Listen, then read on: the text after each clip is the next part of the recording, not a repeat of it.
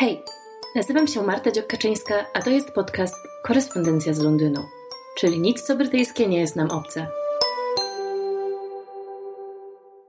Cześć.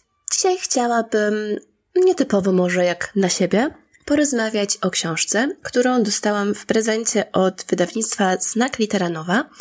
Um, chciałabym zaznaczyć, że nie jest to żadna współpraca. Książkę rzeczywiście dostałam bez płacenia za nią i w prezencie, natomiast bez żadnych zobowiązań i mówię o niej dlatego, że naprawdę mi się spodobała.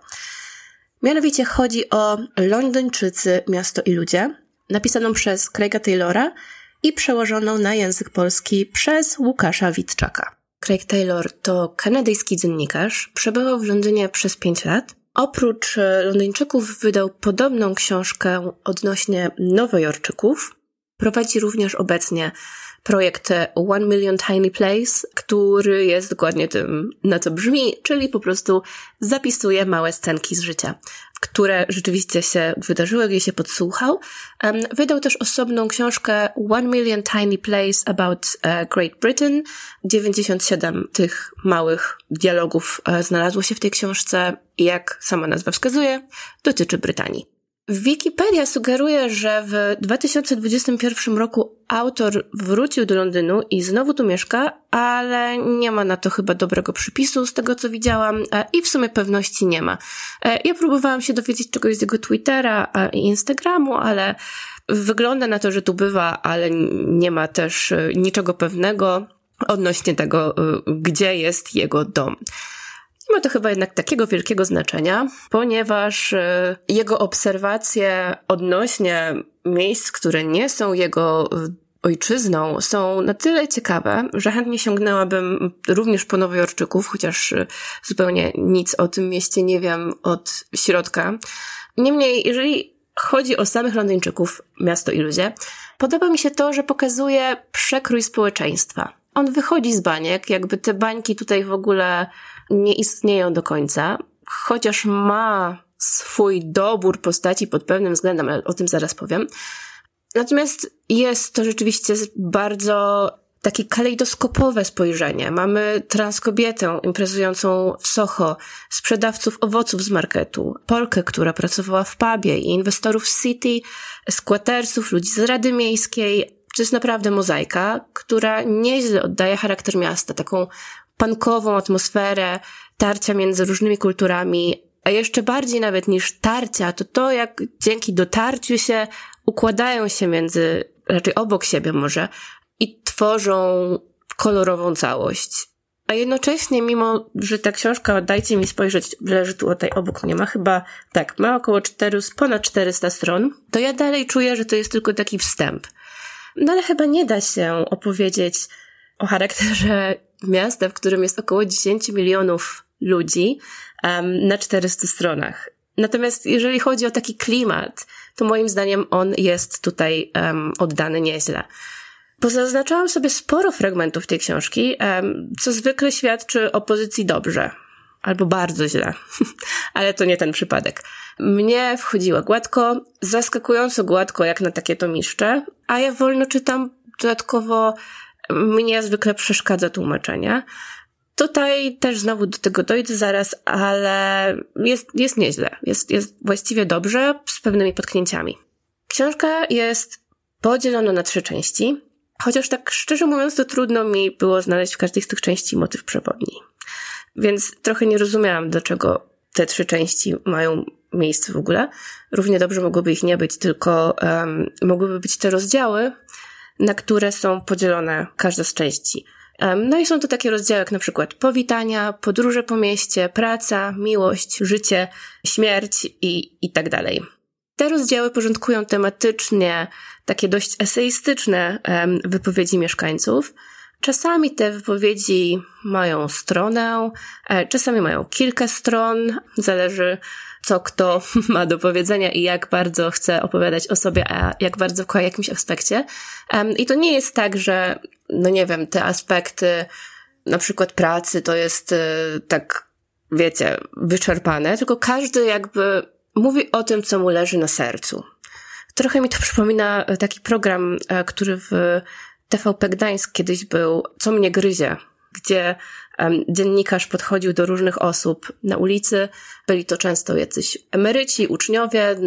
Nagrywało się to najczęściej przy kinie y, Krewetka, które już chyba zresztą nie istnieje, naprzeciwko w każdym razie głównego dworca. I te osoby sobie mówiły to, co im jakby ślina na język przyniosła o tym, co w danym momencie myślały. Moja babcia powiedziała kiedyś, że ją też przydybali, ale na pytanie, co mnie gryzie, odpowiedziała, no w tym roku to komary i uciekła. Co jakby, um, myślę, bardzo dobrze oddaje jej charakter um, i, i myślę, że e, po niej też mam ten styl poczucia humoru. Pozwolę sobie zaserwować Wam trochę cytatów z tej książki, bo chcę Wam pokazać, jakie problemy są mniej więcej poruszane i w jakim stylu. No i na przykład nie wszyscy są miastem zachwyceni. Tu jest rozmowa dwóch panów z Essex, polityka, członka partii konserwatywnej oraz jego wyborcy, który to nie wiadomo czym się zajmuje. E, w każdym razie mówi o tym, że Londyn sprowadza się do Sarej, ludzie szukają nowych domów, potem próbują tu sobie zrobić Londyn, że to jest straszne, to koszmar, ale te nowe plany są wynikiem presji, presji ze strony Londynu. Władze hrabstwa tańczą, jakim Londyńczycy zagrają. Zgadzają się na wszystko, zamiast powiedzieć nie, tego nie zrobimy. Tam w Londynie powtarzają w kółko, trzeba wybudować więcej domów, zaspokoić potrzeby mieszkaniowe. Sprowadzają do tego zgniłego miasta coraz więcej ludzi, nie wiedzą kiedy powiedzieć stop, a potem mają problem, co z nimi zrobić. Więc uderzają po kolei do wszystkich sąsiadów, do wszystkich sąsiednich hrabstw. Pomożecie nam zaspokoić nasze potrzeby mieszkaniowe? To jest e, bardzo śmieszne, bo jakby pół Sary pracuje w Londynie. Mm, ale to tak, że tak powiem, wcale nie e, sprowadzeni ludzie do Sarej, tylko ludzie, którzy mają od dawien dawne domy w Sarej e, i po prostu dojeżdżają do pracy. Dla mnie to było przeciekawe zobaczyć takie, takie perspektywy. Plus, jeżeli miasto znacie, jeżeli tutaj sami mieszkacie lub jeżeli interesuje Was żywo, to e, z tych wypowiedzi będzie się wyłaniać takie trochę właśnie drugie dno często. No ale kontynuując, Infrastruktura też będzie, wszystko wybudują tak jak w Chessington. Kiedyś to była urocza sielska wioska, za mojego życia pamiętam dobrze, załatwili ją w 15 lat. Mieszkałem w Chessington już po dogęszczeniu. W ogóle nie było poczucia więzi, bo wszyscy ludzie, z którymi się dorastało, wyjechali. Hmm, tutaj dopisek e, mój. E, ciekawe gdzie i czemu. Czyżby dlatego, że w Sarej nie było pracy? Lub znaleźli inne, fajniejsze, ciekawsze, dla nich bardziej odpowiadające perspektywy w dużych miastach, na przykład w Londynie. Hmm. Kontynuując, na ich miejsce wprowadzili się Londyńczycy. Oni mają zupełnie inne spojrzenie na życie. Boże, jacy oni są. Chuligaństwo, awantury, policja, przemoc, no koszmar po prostu. Człowiek mieszkał na przedmieściach, a teraz czuje się jak w slumsie. I to wszystko wina deweloperki. Przepływu ludności, migracji z miasta. Nie da się funkcjonować w ten sposób. Ten miejski sposób życia różni się całkiem od wiejskiego. Um, ja mieszkałam akurat w Sarej, w miasteczku Walking e, i powiem wam, że w Walking um, były slumsy, o których e, pan opowiada właśnie chuligaństwa, awantury, policja, przemoc, bez żadnego udziału Londynu w tym. Takie zupełnie lokalne, zupełnie wyrosłe na tej e, małej, ojczystej, sarejskiej glebie. Więc nie taki Londyn um, okropny, jak go malują, bo to jest wszędzie. Mnie się podobało, że tutaj autor, co prawda, kieruje jakby kierunkiem edytorskim swoich dyskusji, ale on nie komentuje ich. E, on nie dodaje od siebie nic. E, jego jakby edycja, redakcja polega na tym, które rozmowy wybrał, tak? I pewnie które fragmenty. Ale on sam nie tworzy nam narracji, oprócz tam wstępu, kiedy pisze o sobie, swoim stosunku do miasta i tak dalej ale podaje nam to, powiedzmy, w wersji na tyle surowej, na tyle, na ile można e, liczyć od kogoś, kto redaguje jednak swoją książkę, prawda? E, więc my sami sobie wyrabiamy opinię na temat postaci, które się wypowiadają. On nie prostuje ich wizerunku, nie komentuje, nie ocenia, wnioski wyciągam sama sobie podczas lektury. I to mi się bardzo podobało, bo czytałam niedawno książkę, która próbowała pisać w podobny sposób. To byli Polacy na emigracji i no tam jakby była metanarracja, do której były dobierane jakby potwierdzenie tez autorki, co no jest dla mnie takim trochę, nie wiem, pójściem bardziej no nie chcę powiedzieć na łatwiznę, ale, ale jakby no dużo mniej reporterskim podejściem, bo tutaj jednak ta opowieść e, snuje się sama u Craiga Taylora. Czułam satysfakcję sporą i radość, kiedy wypowiedzi potwierdzały moje własne obserwacje odnośnie na przykład e, dwóch stron rzeki, które nie bardzo lubią się ze sobą miksować, e, czy trzymania się swoich lokalnych wiosek. Chętnie Wam podrzucę zresztą moje teksty w opisie odcinka, no ale niejednokrotnie ktoś się ze mną kłócił, że wcale tak nie jest i w ogóle co ja wymyślam. No, jednak e, mieszkańcy tutejsi mówią inaczej. Na przykład przeniosłem się z powrotem na południowy brzeg. Kobieta, od której wynajmowałem mieszkanie w Highbury, powiedziała: Miałam kiedyś znajomych po tamtej stronie rzeki. Co się z nimi stało? Jak gdyby do przekroczenia tamizy konieczny był paszport. Mnie to bardzo bawiło, bo ja akurat mieszkam od dawien dawna w okolicy Highbury. I, I rzeczywiście, jeżeli ktoś przeprowadza się na drugą stronę rzeki, to widuje go prawie w ogóle już. Inny cytat, który też mnie zdobył. W Newcastle na dzień dobry dostajesz od ludzi czułość. W Londynie na dzień dobry każdy cię podejrzewa, że jesteś terrorystą albo gwałcicielem, albo jednym i drugim, dopóki się nie przekona, że jest inaczej. Jak ludzie spoglądają w twoim kierunku, czujesz taki południowy chłód, nawet solidny zapas słów z Newcastle może czasem nie wystarczyć. W Londynie człowiek ląd lądowacieje. Staje się twardszy. To jest postępujący proces. No to lądowacieje, to super. Tutaj e, ukłon do tłumacza, bo to bardzo fajne słowo, lądowacieje. Podoba mi się. Ta książka wyszła w 2012 roku i paradoksalnie właśnie z tego powodu e, chciałabym trochę więcej o Polakach, e, bo to były lata, kiedy byliśmy naprawdę tutaj siłą i potęgą, chociaż pewne cytaty odnośnie Banglijczyków e, wydały mi się niezwykle celne w stosunku do mniejszości w ogóle i również określające pewien stosunek pewnych grup Polaków, e, bo oczywiście to nie jest tak, że jesteśmy jako emigracja jednolici. Jest sporo różnych odmian sympatii i antypatii, ale tak, na początku pierwszej dekady obecnego stulecia, kiedy pojawiły się kanały telewizji satelitarnej, dzieciaki w miejscach typu Tower Hamlets miały w domach taki mały Pakistan albo Bangladesz.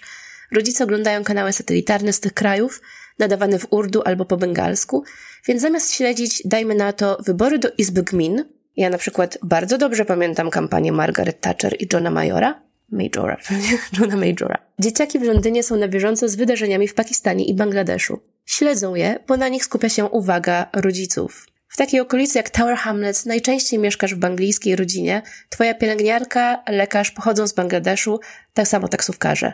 Okolice wschodniego meczetu to teraz taki Bangladesz w Wielkiej Brytanii. E, tutaj trochę dalej um, pominę. Ktoś może zapytać, i co w tym złego? Niech rozkwita tysiąc kultur. Ale ja widzę, że ludzi z tych społeczności, których chcemy szanować i chronić, innymi słowy, Kobiety, mniejszości, nastolatki urodzone w tym kraju zmusza się, żeby się utożsamiali ze wspólnotami zakorzenionymi kulturowo w Pakistanie czy Bangladeszu kosztem silnej, bogatej tożsamości indywidualnej tu, na miejscu, w demokracji liberalnej. I potem jest tak, że kobiety mieszkające od 30-40 lat tutaj w Wielkiej Brytanii nie mówią po angielsku. Jeśli doświadczają na przykład przemocy domowej albo innych trudności, brakuje pewności siebie, by pójść na komisariat albo zwrócić się do pomocy społecznej trochę też znowu pominę, e, czyli w imię szacunku dla tych wspólnot pozwalamy, aby religijni mężczyźni z klasy średniej sprawowali kontrolę nad kobietami i młodzieżą. Uważam, że jest w tym coś złego i trzeba o tym mówić wprost. Mnie się podobało właśnie, że ta osoba, Ed Hussein, publicysta, pochodzi z mniejszości i krytykuje właśnie e, sparowanie się i to, że wszyscy chcą mieszkać w takich enklawach, co było dla mnie ciekawe, bo wydaje mi się, że jakby to nie jest taki temat um, poruszany może w kontekście tego, że tak, jasne, mówi się o tym, że są jakieś rzekomo strefy no-go, w których, nie wiem, są rzekomo muzułmanie i wszyscy inni się tam boją chodzić. Ostatnio miałam taką rozmowę na żywo. Wprost zapytałam, dlaczego ktoś nie wychodzi i dlaczego uważa, że tak jest i, i czy tą osobę spotkało cokolwiek złego i w sumie ta osoba przyznała mi rację, że nie i właściwie to nie wie czemu, ale tak się mówi. I w tym kontekście mówimy, że te enklawy są złe, ale tak samo istnieją polskie enklawy w mieście, gdzie no, mnóstwo osób się ich trzyma, bo chce mieć właśnie polskiego lekarza, polską pielęgniarkę i wiecie, taką małą Polskę. Ja tutaj teraz tego nie chcę oceniać, natomiast podobało mi się, że ten temat um, jest pokazany jako paradoksalnie wspólny dla mniejszości zupełnie różnych od siebie kulturowo. Sam fakt, że są mniejszością, jakby wystarczy do podobnych mechanizmów. Szalenie interesującym fragmentem był dla mnie również ten wypowiedziany przez kierowniczkę Urzędu Stanu Cywilnego o związkach partnerskich. No i idziemy. Inną wielką zmianą były związki partnerskie. Kiedy zaczynałam tu pracować, ani przez myśl mi nie przeszło, że kiedyś będziemy organizować uroczystości dla par jednopłciowych. Prawdę mówiąc, zdarzało się, nie tutaj, ale w innych urzędach, że ludzie odchodzili z pracy, bo to ich przerosło. Dla nich to był jeden krok za daleko. Związki partnerskie wprowadzono w 2005 roku. Nie mieliśmy pojęcia, ile ich będzie. To była wielka niewiadoma. Mamy takich ceremonii pewnie najwięcej w kraju. Często to były starsze pary, które latami czekały na zmianę prawodawstwa.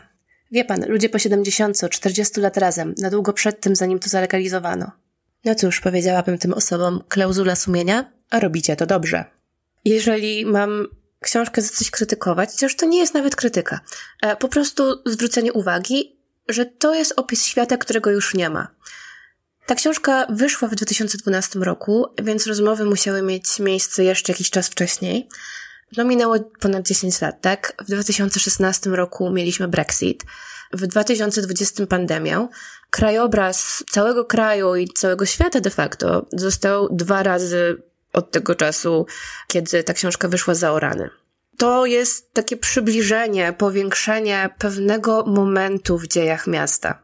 No ale chyba tylko tego można oczekiwać od wszelkiego pisania, czy to prozatorskiego, dziennikarskiego, czy jakiegokolwiek, że, że będzie to jakiś moment, tak. Nie będę też się, jak już wspomniałam, rozpływać w samych superlatywach. Jest kilka usterek e, w tłumaczeniach, kiedy jakiś e, dowcip na przykład robi się niezrozumiały.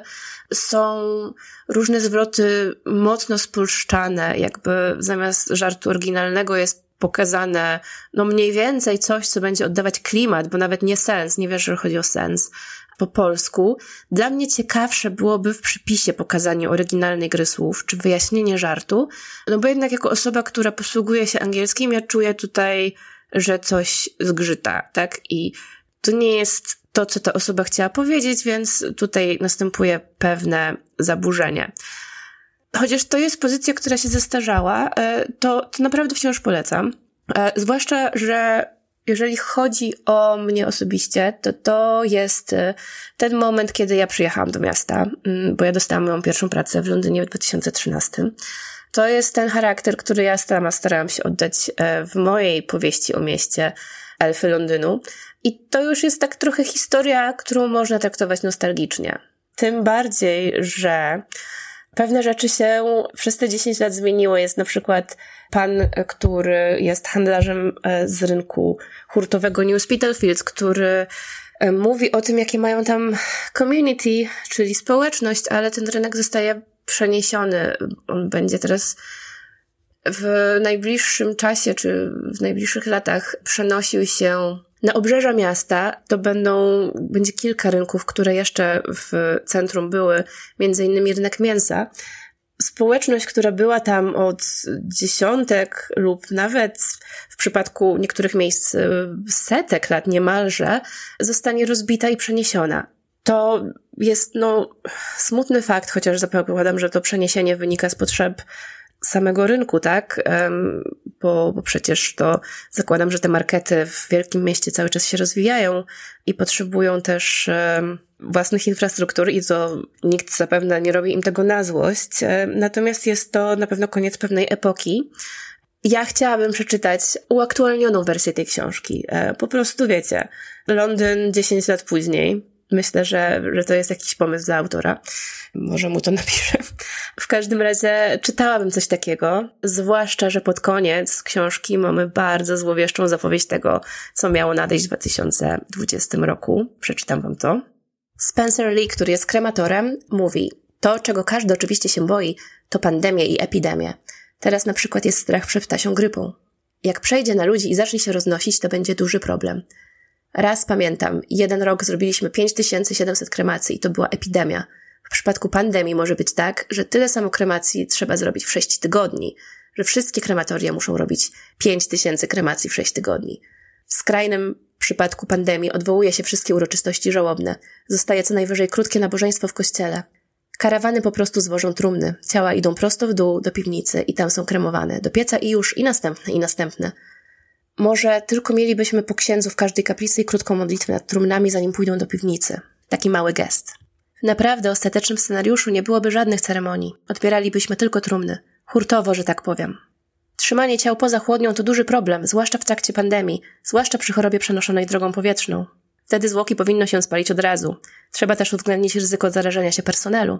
Niekoniecznie musimy z tego powodu umrzeć, ale może być tak, że nie będziemy w stanie przyjść do pracy. A więc kogo jeszcze możemy wykorzystać? Kogo jeszcze możemy przeszkolić? Znajdźmy kogoś, kto będzie umiał obsługiwać te urządzenia. To wymaga paru intensywnych szkoleń i zdania egzaminów. U nas w firmie maszyn obsługuje pięć osób. Co jeśli trzy zachorują, a musimy działać przez całą dobę? Nie wystarczy jedna osoba za dnia i jedna w nocy. Tak się nie da. Zawsze muszą być przynajmniej dwie osoby. Tutaj ja już wam tylko wyrywki przeczytam. Teraz wszyscy się martwią ptasią grypą. Na razie się to nie spełniło. Trzymajmy kciuki, żeby tak zostało. Londyn przetrwał już niejedną zarazę. Oby się to nie powtórzyło. Oby współczesna medycyna stanęła na wysokości zadania. Jak było? Wiemy. Ja bym bardzo chętnie posłuchała tego, co pan Spencer Lee ma do powiedzenia po doświadczeniu um, swojego, no, najgorszego chyba koszmaru, można powiedzieć. Jeśli mogę Wam jeszcze przybliżyć, jakiego typu wypowiedzi zdarzają się w tej książce, to znaczy jakiego typu wypowiedzi. Raczej kto się wypowiada, no to naprawdę jest to jest to absolutna mieszanka. Jest pilot pasaż- samolotu pasażerskiego, turyści różnie, różnego typu, taksówkarz, rowerzystka, pracownik biura rzeczy znalezionych, instruktor jazdy, ludzie, którzy pracują jako hydrauliczka, trader walutowy, manikiurzystka, właścicielka pubu, ale też domina, pielęgniarz, uczennice, terapeuta, trener osobisty, fotograf uliczny, sprzątacz ulic, urzędnik biura urbanistyki, koordynatorzy w Centrum Sterowania Ruchem Autobusowym, arborysta, wędkarz, pszczelarz, kapłanka wikka, szef kuchni, handlarzy z rynku, agent nieruchomości, skwater, polityk, artysta, aktor, wokalistka, raper, właściciel galerii sztuki, rikszarz, pikieciarz, DJ, pracowniczka e, klubu nocnego, co tu jeszcze? Publicysta, aktywista, nauczycielka, tłumaczka, policjant, um, świadek rozruchów, podejrzany, protestująca, zastępca szeryfa Londynu, e, specjalista od zabezpieczenia domu, przewodniczący komitetu w City of London, student, menedżer funduszu hedgingowego, prezes zarządu Canary Wharf, więc wiecie, no absolutnie 1% społeczeństwa, kierowniczka Urzędu Stanu Cywilnego, naoczny świadek, ratownik medyczny, przedsiębiorca pogrzebowy, kremator, renowator zabytkowych zegarów, emerytka, i znowu na koniec pilot samolotu pasażerskiego, ale dajcie mi sprawdzić. Tak, to ten sam pilot, tylko w dwóch różnych kontekstach. Na koniec i na początek tak ładnie spina książkę. Dla mnie była to lektura bardzo przyjemna, bardzo ciekawa i z jednej strony potwierdzająca moje odczucia, z drugiej strony otwierająca może trochę oczy na y, szerszą perspektywę i świat, który niekoniecznie znałam, no bo no nie wiem, jakie problemy mają ludzie, którzy zajmują się budowaniem Canary Wharf na przykład, prawda? Wydawnictwu Znak Literenowa bardzo dziękuję za prezent i polecam Wam tą książkę. Mam nadzieję, że Was zachęciłam do tej lektury. Jeżeli macie polecenia jakichś um, innych ciekawych lektur odnośnie samej Wielkiej Brytanii, czy samego Londynu nawet, to możecie do mnie zawsze pisać. Na zakończenie chciałabym Wam jeszcze dać cytat z tej książki też, który co prawda znalazłam na stronie autora, więc jest w oryginale. Kto jest e, uważany za prawdziwego Londyńczyka? Who is considered a true Londoner? The only thing I know, and this I was told in a very loud pub in Cricklewood, is that a real Londoner, a real one, would never, ever, ever eat at one of those bloody Angus bloody steakhouses in the West End. That's how you tell, the man said, wavering, steadying himself with a hand on the bar. That's how you tell. I myślę, że to jest całkiem niezła definicja. Dzięki za uwagę. Do zobaczenia, do usłyszenia właściwie za tydzień. A w międzyczasie zawsze możecie znaleźć mnie na moich kanałach społecznościowych, na Facebooku jako Rienna Hera, na Instagramie również jako Rienna Hera, a jeśli chcielibyście dostawać dodatkowy content, to zachęcam do dobrowolnych wpłat na Patronite w różnych progach. Dzięki i do usłyszenia. Hej!